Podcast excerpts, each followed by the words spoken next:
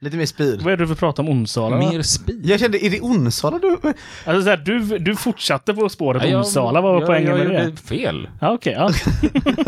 Ja, Förlåt. jag försökte komma in på något intressant och fråga Sebastian, vad är det längsta du har gått? Tre Men, men du vill ju vi ska spela Ja, med. vart var det? Kring Ja. Onsala? Jag hade hoppats på något roligare. Men vad, vad är det jag ska säga då? Nej, alltså du får ju vara ärlig och det var du ju. Du Jag trodde bara med. ditt liv var roligare. Jag gick eh, sex mil runt ett hus, bara runt, runt, runt, runt i Ja, huset. det hade ju varit roligare än att du hade... Wow, varför gjorde du det? Vad spännande det här låter. Vad fick du sex mil runt ett enda hus liksom? Det har jag inte gjort. Men du bara, nej, jag gick runt Onsala liksom. Och jag, bara, jag, men jag blev bara besviken att ditt liv inte var roligare än så. Jag vet inte, jag har ganska många roliga ställen att gå. besviken att ditt liv inte är roligare. Ja, Jim, Ja. vad är det längsta du har gått? Ja, det är nog tre mil också. Ja, Men, men... i terräng då. I terräng, Och ja. eh, uppför mycket. Ja. Ja. Och vart Hur jävla du? kul var det då? Nu är du tyst lite. Var nådde du då Jim? Eh, Kebnekaise. Kebnekaise, shit Ja. vad häftigt. Ja. Mm, det var kul. Hur var det att stå där uppe på toppen? Det är mäktigt.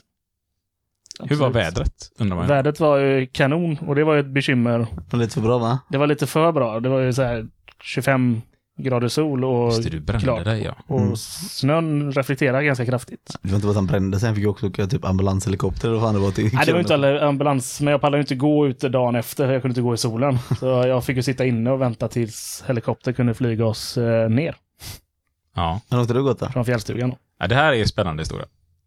Tycker jag. Det är häftigt. det är kanske roligare. Ja. Hur långt har Och du gått Isak? "Ja, jag gick eh, tre mil runt i Onsala bara. Jaha, kul det var. För det här jag menar, det här var spännande. Ja. Nu tycker jag vi kör igång avsnittet och ett intro. Hur långt har du gått?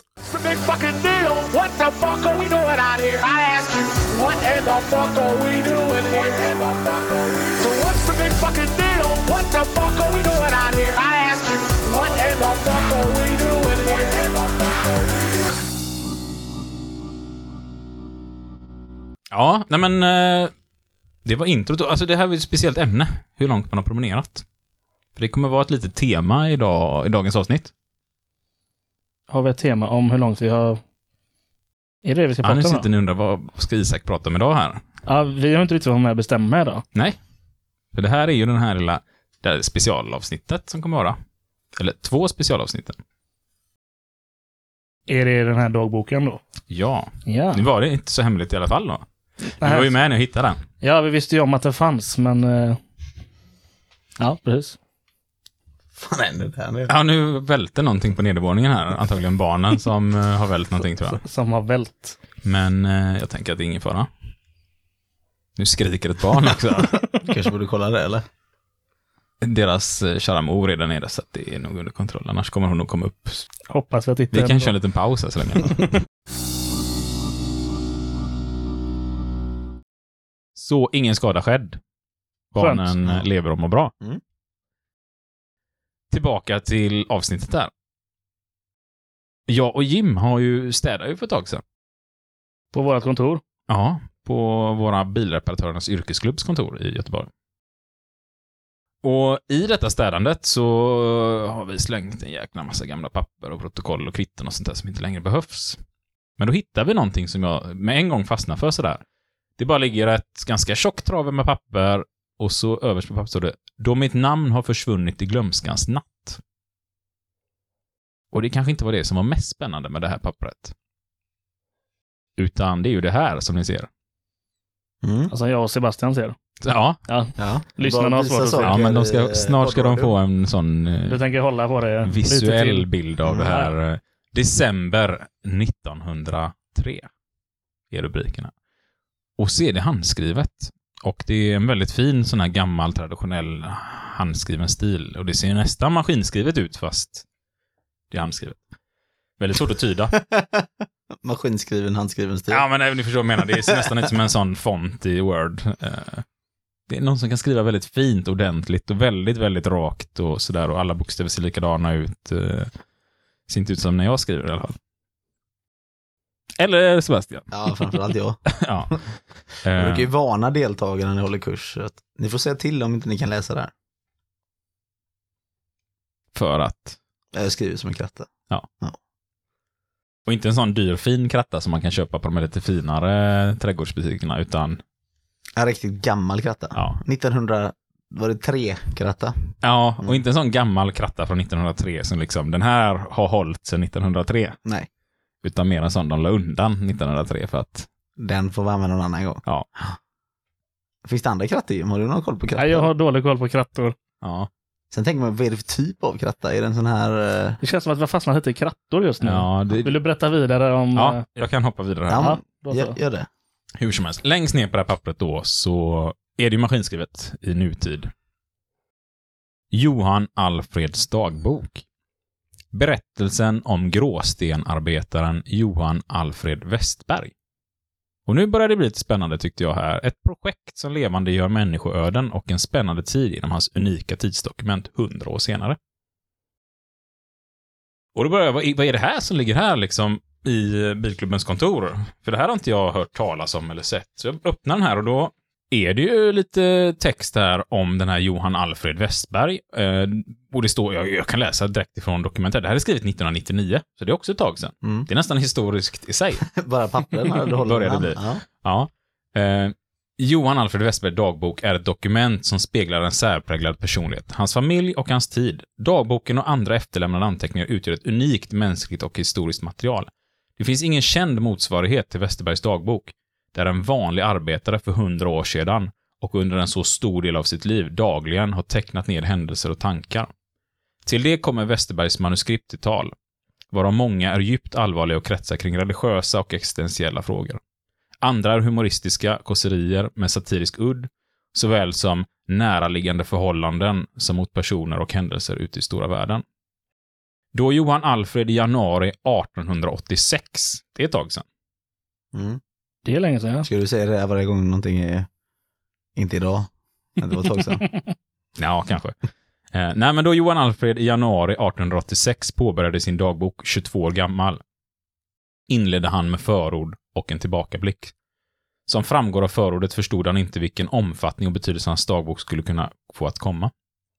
Vi vet nu när vi läser dagboken att detta inte är ett kortfattad beskrivning, utan i det närmsta en komplett biografi och en strålande tidsskildring. Och jag blev så här liksom, varför har jag inte sett den här innan?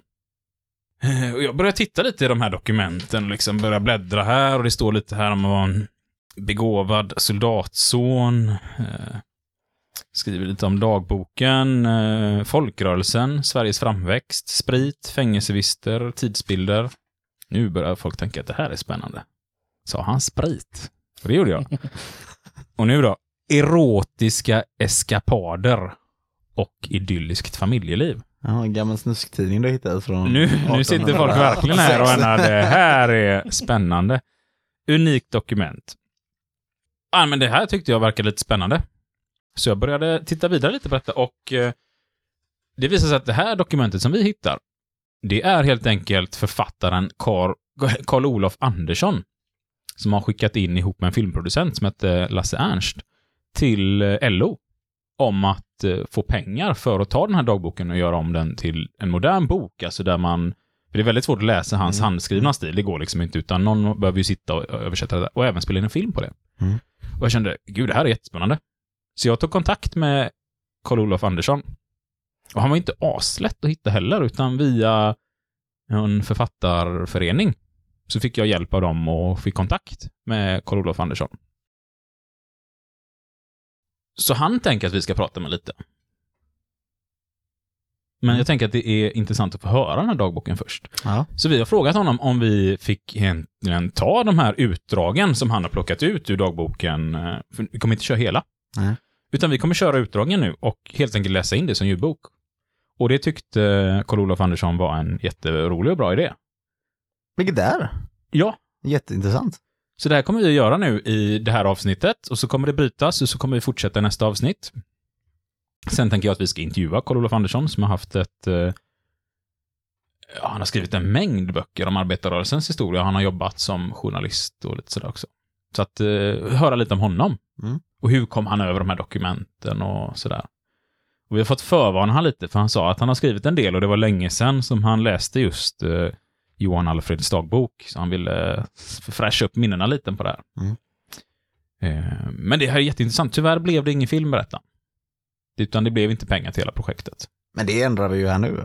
För nu jävlar kanske ska hela arbetarrörelsen här nu är nytaggade på Karl-Alfreds Dagbok. dagbok. Och ja, Ja, vi kanske kan få eh, Hollywood att gå med på det här liksom. Ja. De verkar ju ha lite slut på det. Det är väldigt mycket tvåan på allting nu känns det som. ja. Har det kommit någon ny film? Eller är det bara nya gamla filmer som kommer nu för tiden? Nu kommer ju inga filmer på grund av eh, covid där. Nej, okej. Men det kan ju inte vara en allvarlig fråga om det kommer några nya filmer. Nej. Eh, jag tror inte de är intresserade av att skriva om arbetarrörelsen ändå. Det är ganska sällan som man tar upp det i media. Vi har pratat om det innan också, att även våra historieböcker är otroligt lite. Och vi diskuterade det lite innan det här avsnittet med. Jag har ju här eh, två stycken historieböcker från när jag pluggade upp historien och det är, alltså det är ett och ett halvt stycke som handlar om hela svenska arbetarrörelsens historia, eller hela europeiska arbetarrörelsens historia Mm. i eh, Bonniers traditionella sån här gymnasiesamhällskunskapsbok. Eller historiebok menar jag. Eh, och så lite var det om det när jag tentade upp min eh, historia. Mm. För vi hade ingen historia i gymnasiet. Men då valde jag att skriva om arbetarrörelsens historia och fick ett väldigt starkt MVG på det. En lång, lång, lång text från den här läraren som har suttit och rättat den här tentan. Det var kul. Han kände nästan inte till hälften av allt.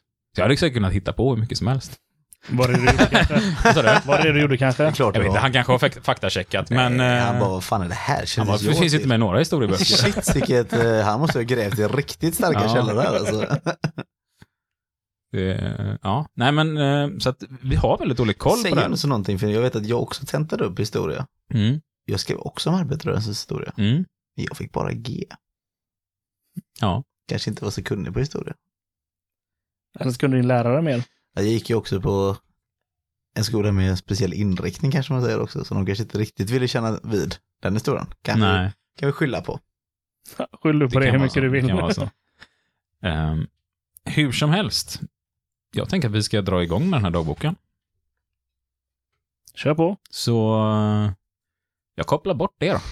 Annars kommer Sebastian bara sitta här och få massa mail som piper här precis och stör Viktigt, oss. viktigt politikermail. Så hörs vi när eh, vi är färdiga. Det gör vi. Hej så länge. Men inte till lyssnarna. Ni är ju varmt välkomna att fortsätta hänga med.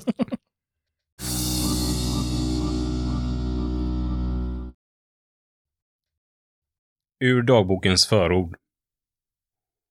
Ändamålet med denna bok är att visa de viktigaste tilldragelserna rörande min person, samt väderleken.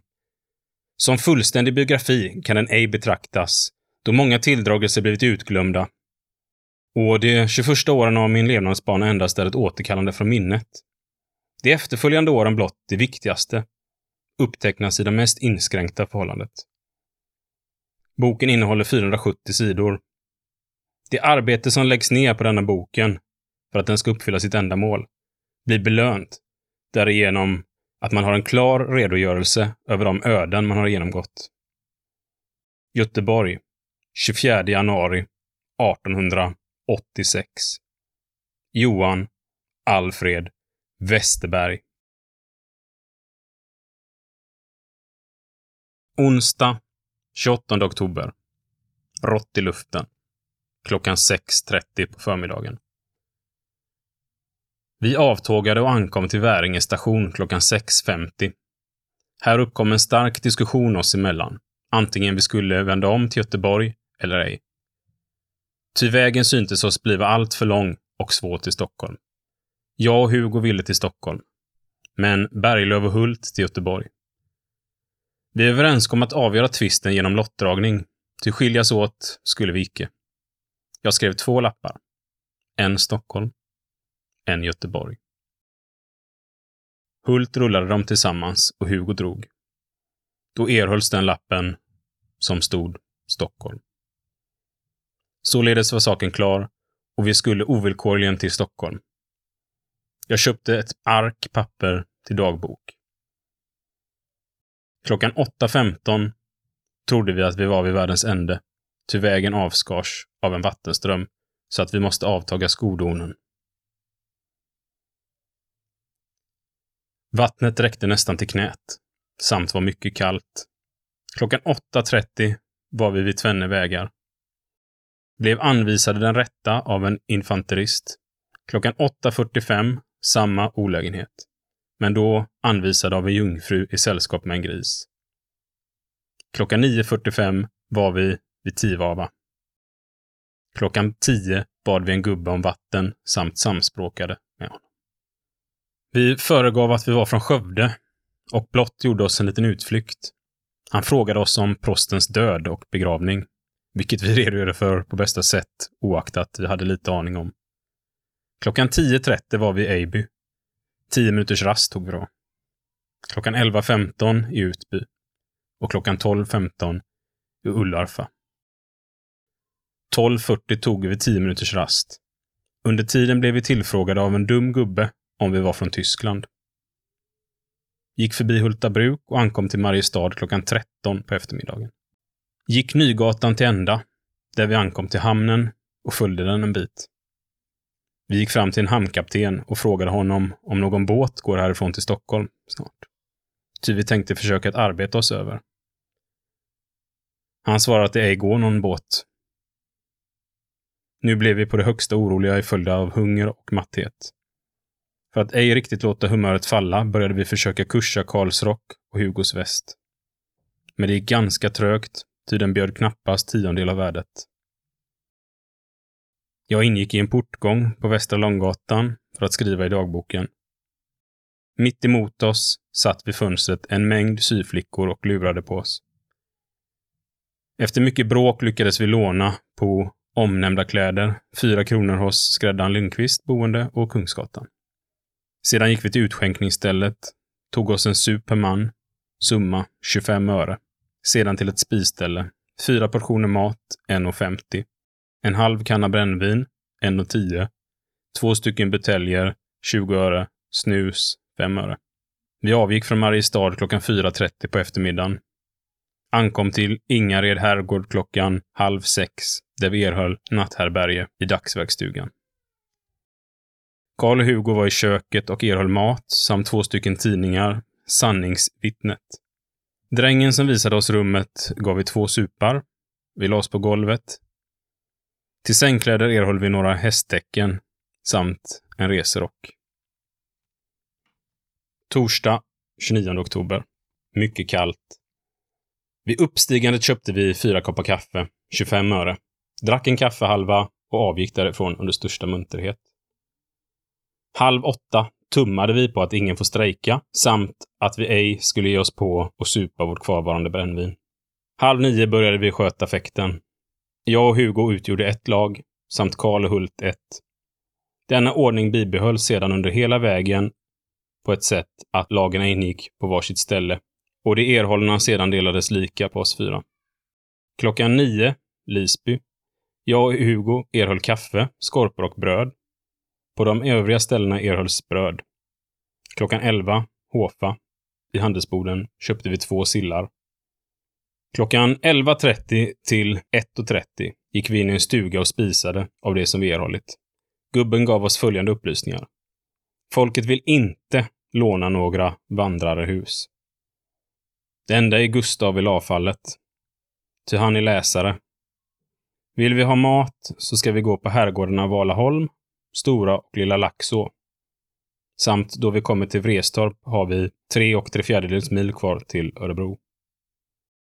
Klockan 2.30 på eftermiddagen var vi vid Valholms herrgård.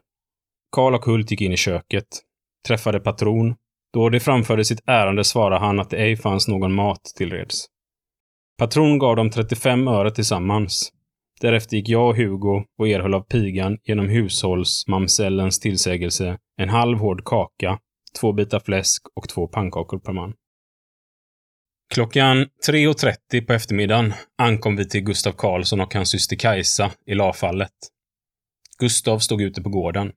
Honom bad vi få stiga in och värma oss. Det fick vi lov. När vi var inkomna utdelade han tidningen Sanningsvittnet samt spelade läsare. Sedan bad vi om natthärbärge. Detta blev oss beviljat för vår andäktighets skull. Klockan 3.45 till 4.30 sågade jag och Karl ved. Gustav klöv. Sedan började vi och Gustav att språka om Jesus och hans verksamhet. Gustav skrek en revers åt Anders Andersson på en förträffligt stor summa penningar, 10 kronor. Sedan uttalade vi gratulationskort till en jungfru Lotta där boende samt visade några fotografier. Jag läste ett brev som de hade erhållit från Amerika. Kajsa bjöd på kaffe. Sedan bar vi bort tvenne spannar, potatismjöl samt forhageandräckning. Köpte en kanna potatis samt sill för 25 öre. Vi föregav för Gustav att vi var murare.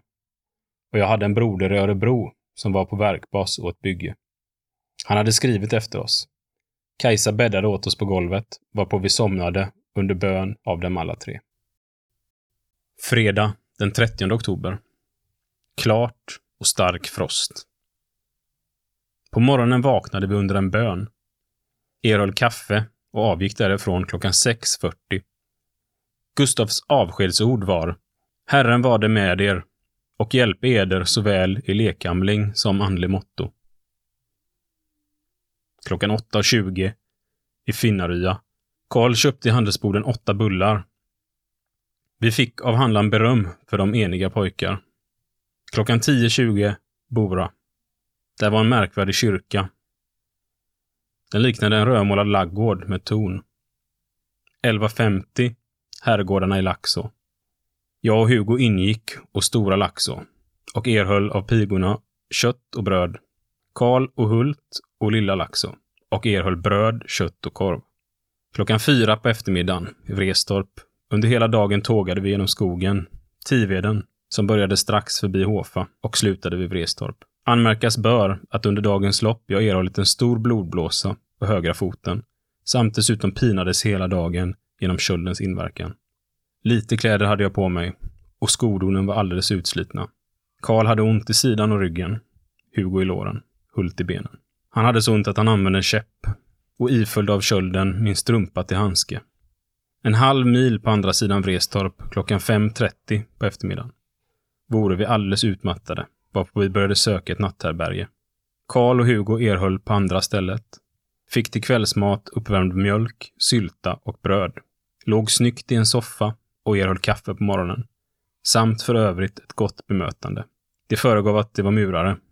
Jag och Hult fick på sjätte stället hos August Persson i Skattegården. Kvällsmat, stekt potatis, bröd och välling. Låg i en soffa i drängstugan. Den äldsta av drängarna gjorde afton och morgonbön. Alla husets invånare var artiga. Vi sa att vi var snickare. Detta var i Närke.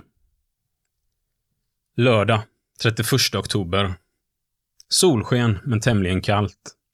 På morgonen när vi avgick var vi före kamraterna. Jag skrev i snön våra namn så att de skulle förstå att vi var på väg. Slutligen kom de ifatt oss klockan 8.30 på förmiddagen. Hardemo kyrka. Jag och Hugo erhöll kaffe, skorpor samt bröd av sergeanten Närkes regemente. I följd av hastig marsch, köld och blåst lämnade vi trakten oanmärkt tills vi kom till Örebro, vilket skedde 2.30. Det första vi kastade våra blickar på staden sågs lyktorna hängandes i telegrafpålar. Och i brist på sådana i direkt därtill utpressade pålar. Marsch Storgatan igenom. Det första möter oss var två bönder. Jag bad dem att köpa min klocka. Hugo fuktade dem på tio öre. Detta erhölls, samt dessutom två stycken äpplen per man. Sedan fortgick fuktning och försök att sälja klockan hela Storgatan igenom. Jag blev bjuden 13 kronor, men ville ej sälja klockan under 15. Vi försökte sedan att ta reda på någon officer eller underofficer som skulle värva oss till någon av Stockholms regementen. Några underofficerare träffades, men de svarade att de ej kunde uppfylla vår önskan. Bekymmer, hunger och köld började taga överhanden av våra kroppar. Jag kan inte i ord beskriva vilken sorglig belägenhet vi var stadda i. Vi kom på idén att tåga fångskjuts till Göteborg. Ty skodonen höll ej att gå till fots till Stockholm. Och i synnerhet mina skor. De var så hårt slitna att fötterna började titta ut. Liksom be vår fader om förbarmade. Och vi försökte på alla möjliga sätt trösta våra sorgsna sinnen. Ja, Gud, give att vi ej måtte få sådana stunder mer. Vi tog reda på lånekontoret, vilket hittades med rubrik K.O. Petterssons lånekassa. Där lånade vi sex kronor på min klocka. Nu friskt humör. Hastigt Hugo till bagan, köpte en limpa. 12 öre. Ja, en fjärdedels kanna brännvin med butelj, 75 öre. Tog ett par duktiga klunkar på man, gick sedan till Gottemplarnas café. Fyra koppar kaffe och en smörgås, 80 öre. Sedan blev vårt göromål att söka logi tills måndag. Detta lyckades efter mycket besvär på Pettersborg för två kronor. Söndag 1 november.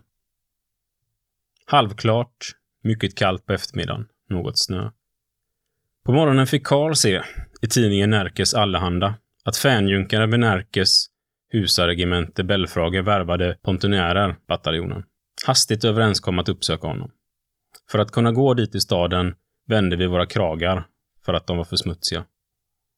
Klockan nio på förmiddagen gick vi och drack kaffe. Sedan till Metodistkapellet på Kungsgatan. Avhörde predikan och vid dess slut avgick vi därifrån. Då träffade Karl, en brevbärare, som visade oss var han, måste syfta på värvaren Belfrage, bodde. Jag och Karl gick in till honom. Blev vänligt bemötta, varpå vi framförde vårt ärende. Karl gick in efter dem utanförstående Hugo Hult. Värvningsförmånerna upplästes, betygen framlämnades och värvningsförbindelserna underskrevs. Truppbiljett till Stockholm samt tre kronor per man erhölls. Detta skedde klockan ett på förmiddagen. Den glädje som uppstod hos oss kan ej beskrivas, ty nu hade vi fått vår önskan fram. Middag spisades, två kronor. Därefter drack vi kaffe. Sedan rökade vi cigarr.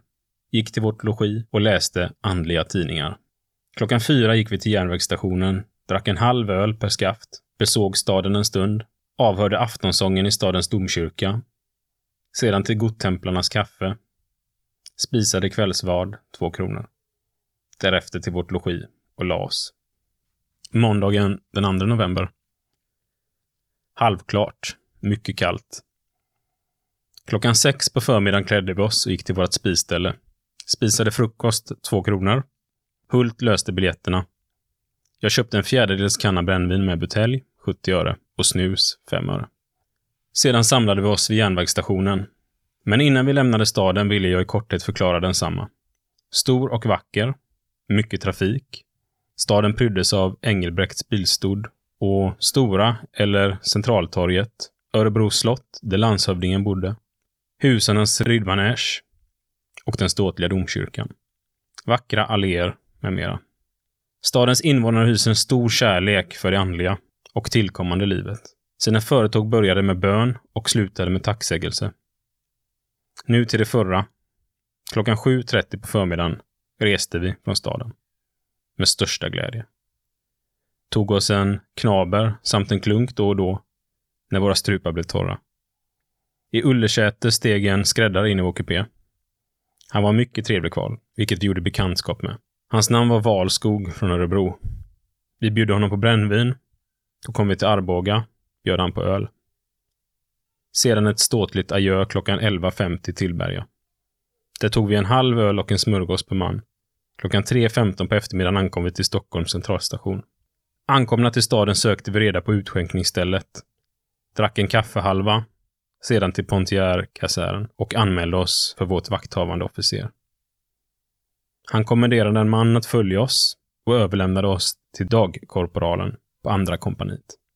Han anvisade oss efter aftonkorum, våra sängplatser. Det var översängar. Tisdag, 3 november. Mycket dimmigt hela dagen.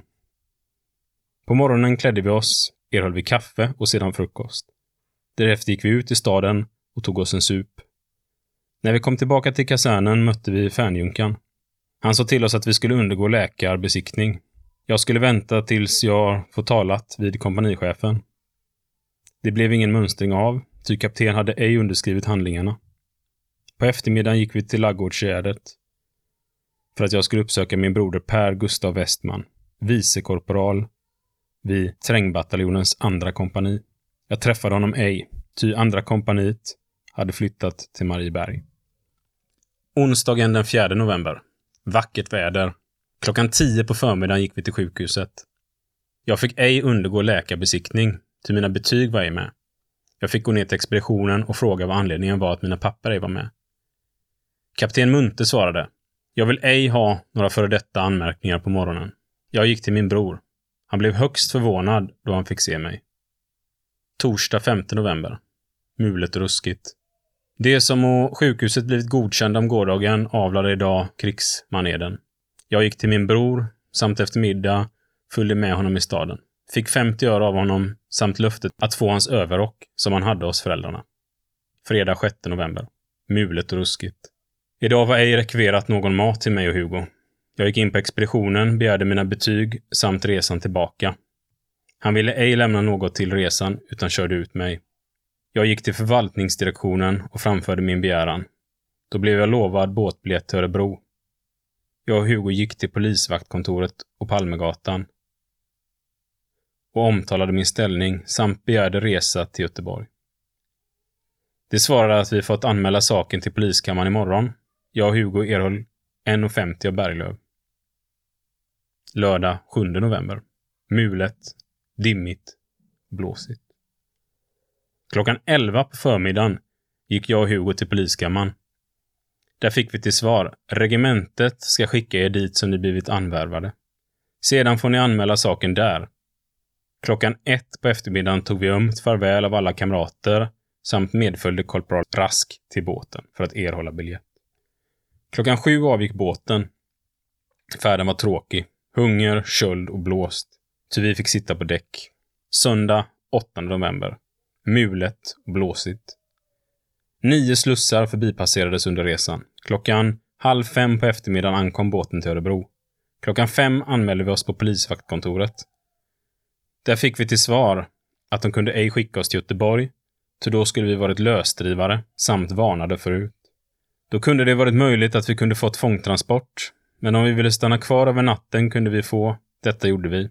Av en kusk som anhörde vår historia. Han erhöll eh, 25 öre per man till oss.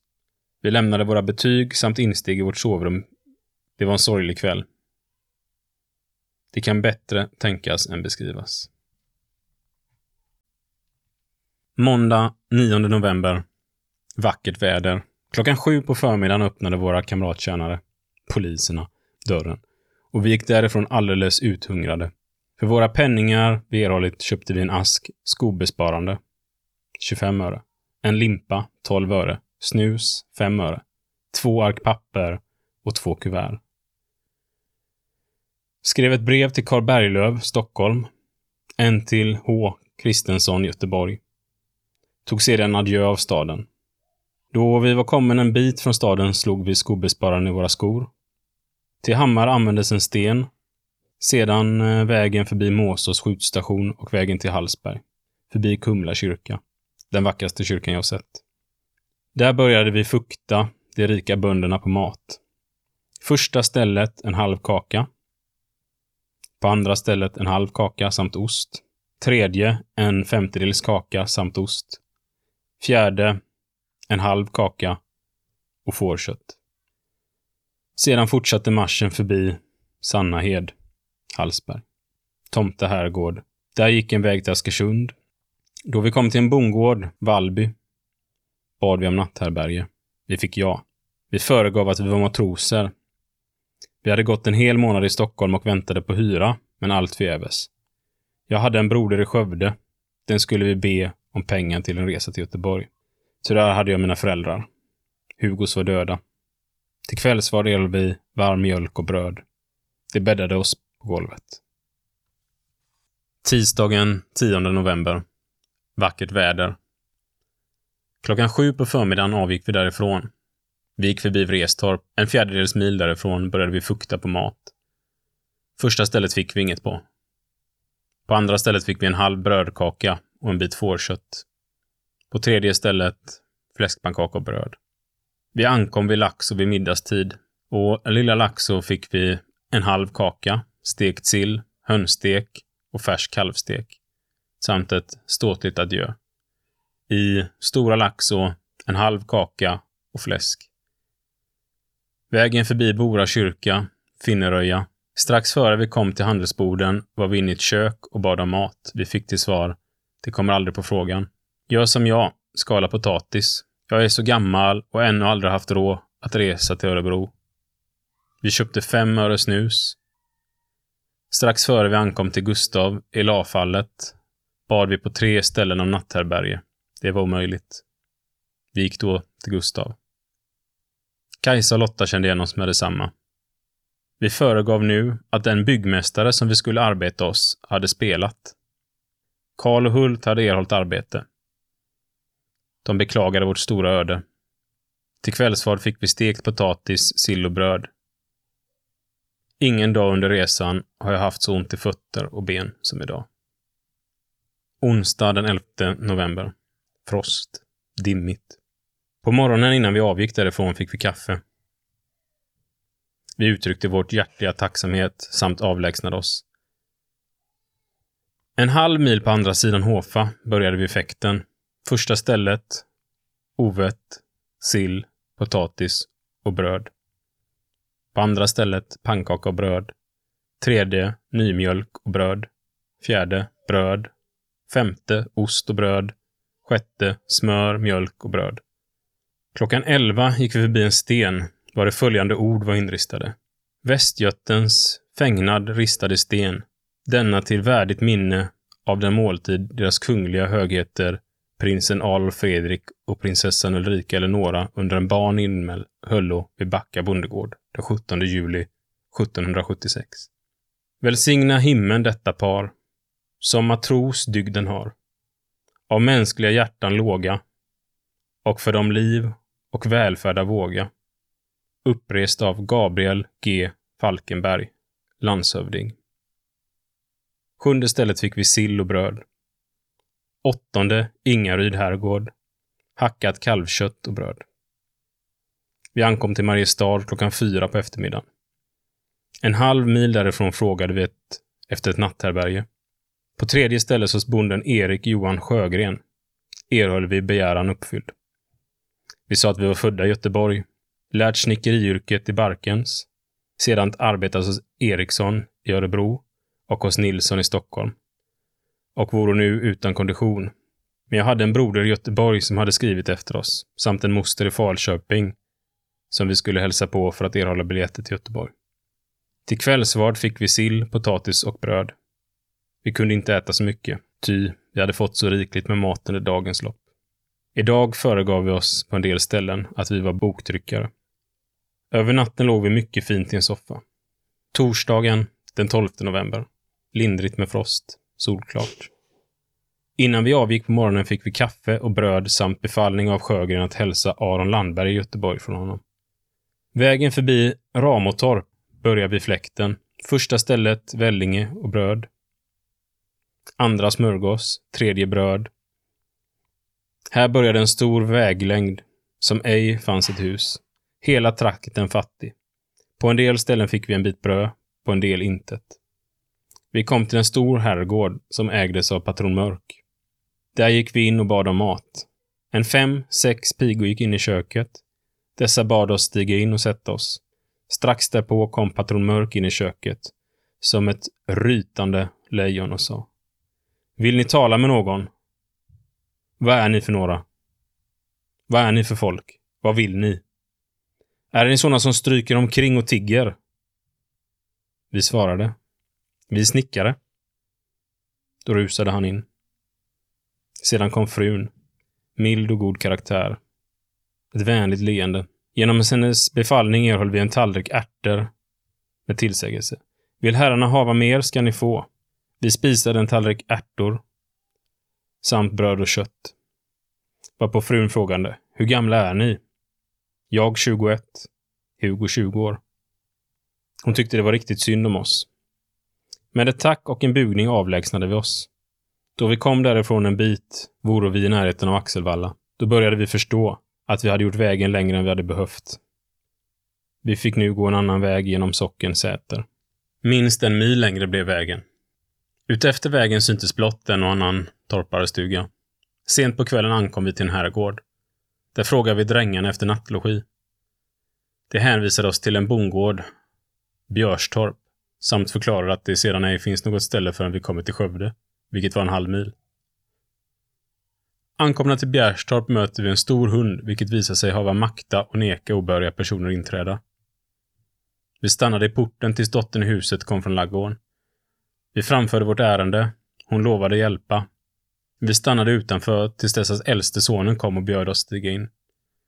Då vi inkom började vi omtala hur skickliga snickare vi var. Blott ödet hade spelat sin roll med oss. Arma stackare. De omtalade för oss att det var en orgelbyggare i Skövde som ville ha två gesäller. Vi svarade att vi skulle söka den platsen. Sedan bjöd äldste sonen Albert oss på en sup. Gubben beklagade sig över att han ej kunde härbärga oss, ty han hade ingen plats, ifall att alla rum var inredda. Han lovade likväl att söka oss logi. Albert följde med oss till en av deras torpare. Han lovade oss stanna om vi ville lämna våra pass. Vi lämnade våra pressbetyg och sa att våra gesällbetyg är skickade till Bark och Warburgs kontor i Göteborg. Albert bad oss gå fram till morgon och spisa frukost. Vi låg på golvet. Fredag 13 november. Mulet hela dagen. På morgonen fick vi kaffe samt våra betyg. Gick till Björnstorp och fick frukost bestående av sill, potatis och bröd. Albert bad oss skriva till honom. Detta lovade vi. Han lämnade oss adressen. Albert Svenningsson, Bjärstorp Säter, Frösved. Vi berömde dem på det högsta varpå vi avlägsnade oss och ankom till staden Skövde klockan 10 på förmiddagen. Jag köpte snus för fem öre. Gick sedan till vi hade en kvarts mil kvar till Falköping. Då bad vi om ett hus i en bondgård. Fick ja. I det huset var alla invånare i full verksamhet. Gubben klippte klutar och löpte upp trådarna. Äldste sonen karade sönder trådarna. Husmodern spann, andre sonen spolade, pigan vävde. Dottern stickade strumpor. Yngste sonen läste. Detta var en vacker syn. Till kvällsvad fick vi gröt och mjölk. Vi låg på golvet. Lördag 14 november. Halvklart, blåst. Innan vi avgick fick vi korv och bröd. Ankom klockan sju förmiddagen till Falköping. Vägen förbi Marka kyrka, Gökhems gästgiveri, Lisby, Härsta kyrka. Vi satt i 40 minuter och väntade på att det skulle bli mörkt innan vi gick in till mina föräldrar. Inkomna föregav vi att vi hade varit i Borås och tagit emot bjälkar för byggmästare Rapps räkning. Samt att bjälkvagnarna ej skulle medfölja tåget till Herrljunga för en tisdag. Vi ville ej vänta tills dess. Jag tyckte det var roligt att hälsa på mina vördande föräldrar samt sa att vi hade gått från Borås, ty penningarna hade tagit slut i full av uppehället i Borås blivit längre än beräknat var. Vi blev vänligt bemötta. Spisade kvällsvard. Söndagen 15 november 1885. Tämligen stark frost. På eftermiddagen blev vi bjudna på barndop hos handlaren Albert Andersson, där boendes. Måndag 16 november. Klart väder. På morgonen frost. Jag skrev ett brev till Broder Westman från föräldrarna. Jag och mamma lagade mina kläder. Fick ett par målskinsbyxor samt två par gagnade strumpor. Ett par vantar. Tog den rocken som min bror lovade mig. Tisdagen 17 november 1885. Tog avsked av mina föräldrar och började marschen klockan sex på förmiddagen. Vägen förbi Mölanda, Grude kyrka. Hela traktens invånare tycktes ej äga annat än tomma kök. Förbi svältorna och ankom till Allingsås klockan fyra på eftermiddagen. Avgick med det snaraste därifrån och gick tills vi kom en halv mil på andra sidan staden. Där frågade vi efter nattlogi hos en skomakare. Hustrun visade oss till byn och sa Det är snällt folk och där får ni genast. Väl ankomna till byn så frågade vi vilket ställe vi än kom på så svarade de Vi har för trångt. Fortsätt till nästa så får ni säkert plats. Så fortgick hela byn utan att fått våran önskan uppfylld. En bit från byn lyckades det. Och sen före detta bromsare, nu fiskhandlare. Till kvällsvard fick vi sill, potatis, mjölk och bröd.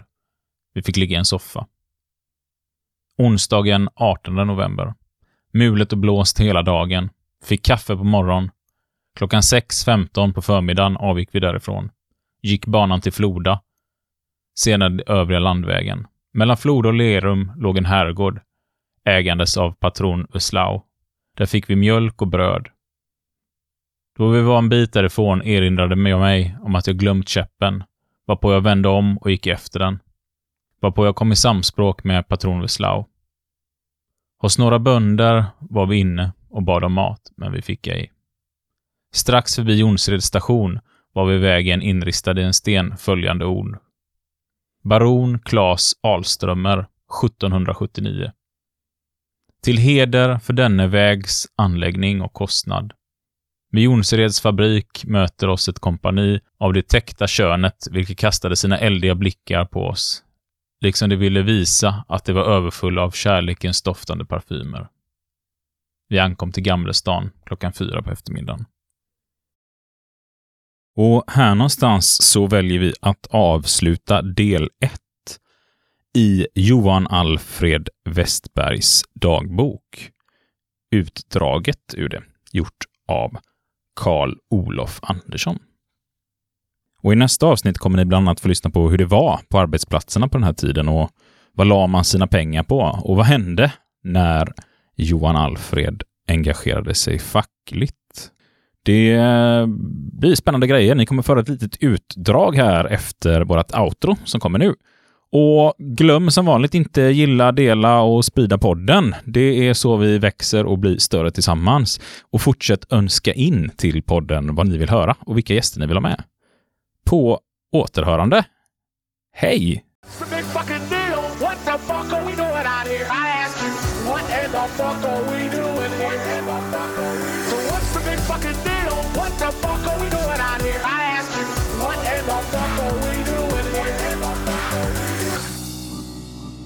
1888. Kort överblick på det flydda året. Några goda och berömvärda skiftningar i detta livets svallvåg kan jag för min person ej tillräkna detta flydda år. I synnerhet ej ekonomiskt hänseende. Redan på årets andra dag, då jag åter skulle börja mitt arbete i den usla och osunda arbetslokalen på A. Glitzmans stentryckeri, var jag mycket sjuk. Den ena svinden efter den andra övergick mig i förföljd av den ruttna luften i lokalen. Jag var ju arbetare. Och vad betyder detta för principalens ögon? Jo, lika med noll. Den enda medlidsamhet man får höra är Kan du inte arbeta får du väl gå din väg.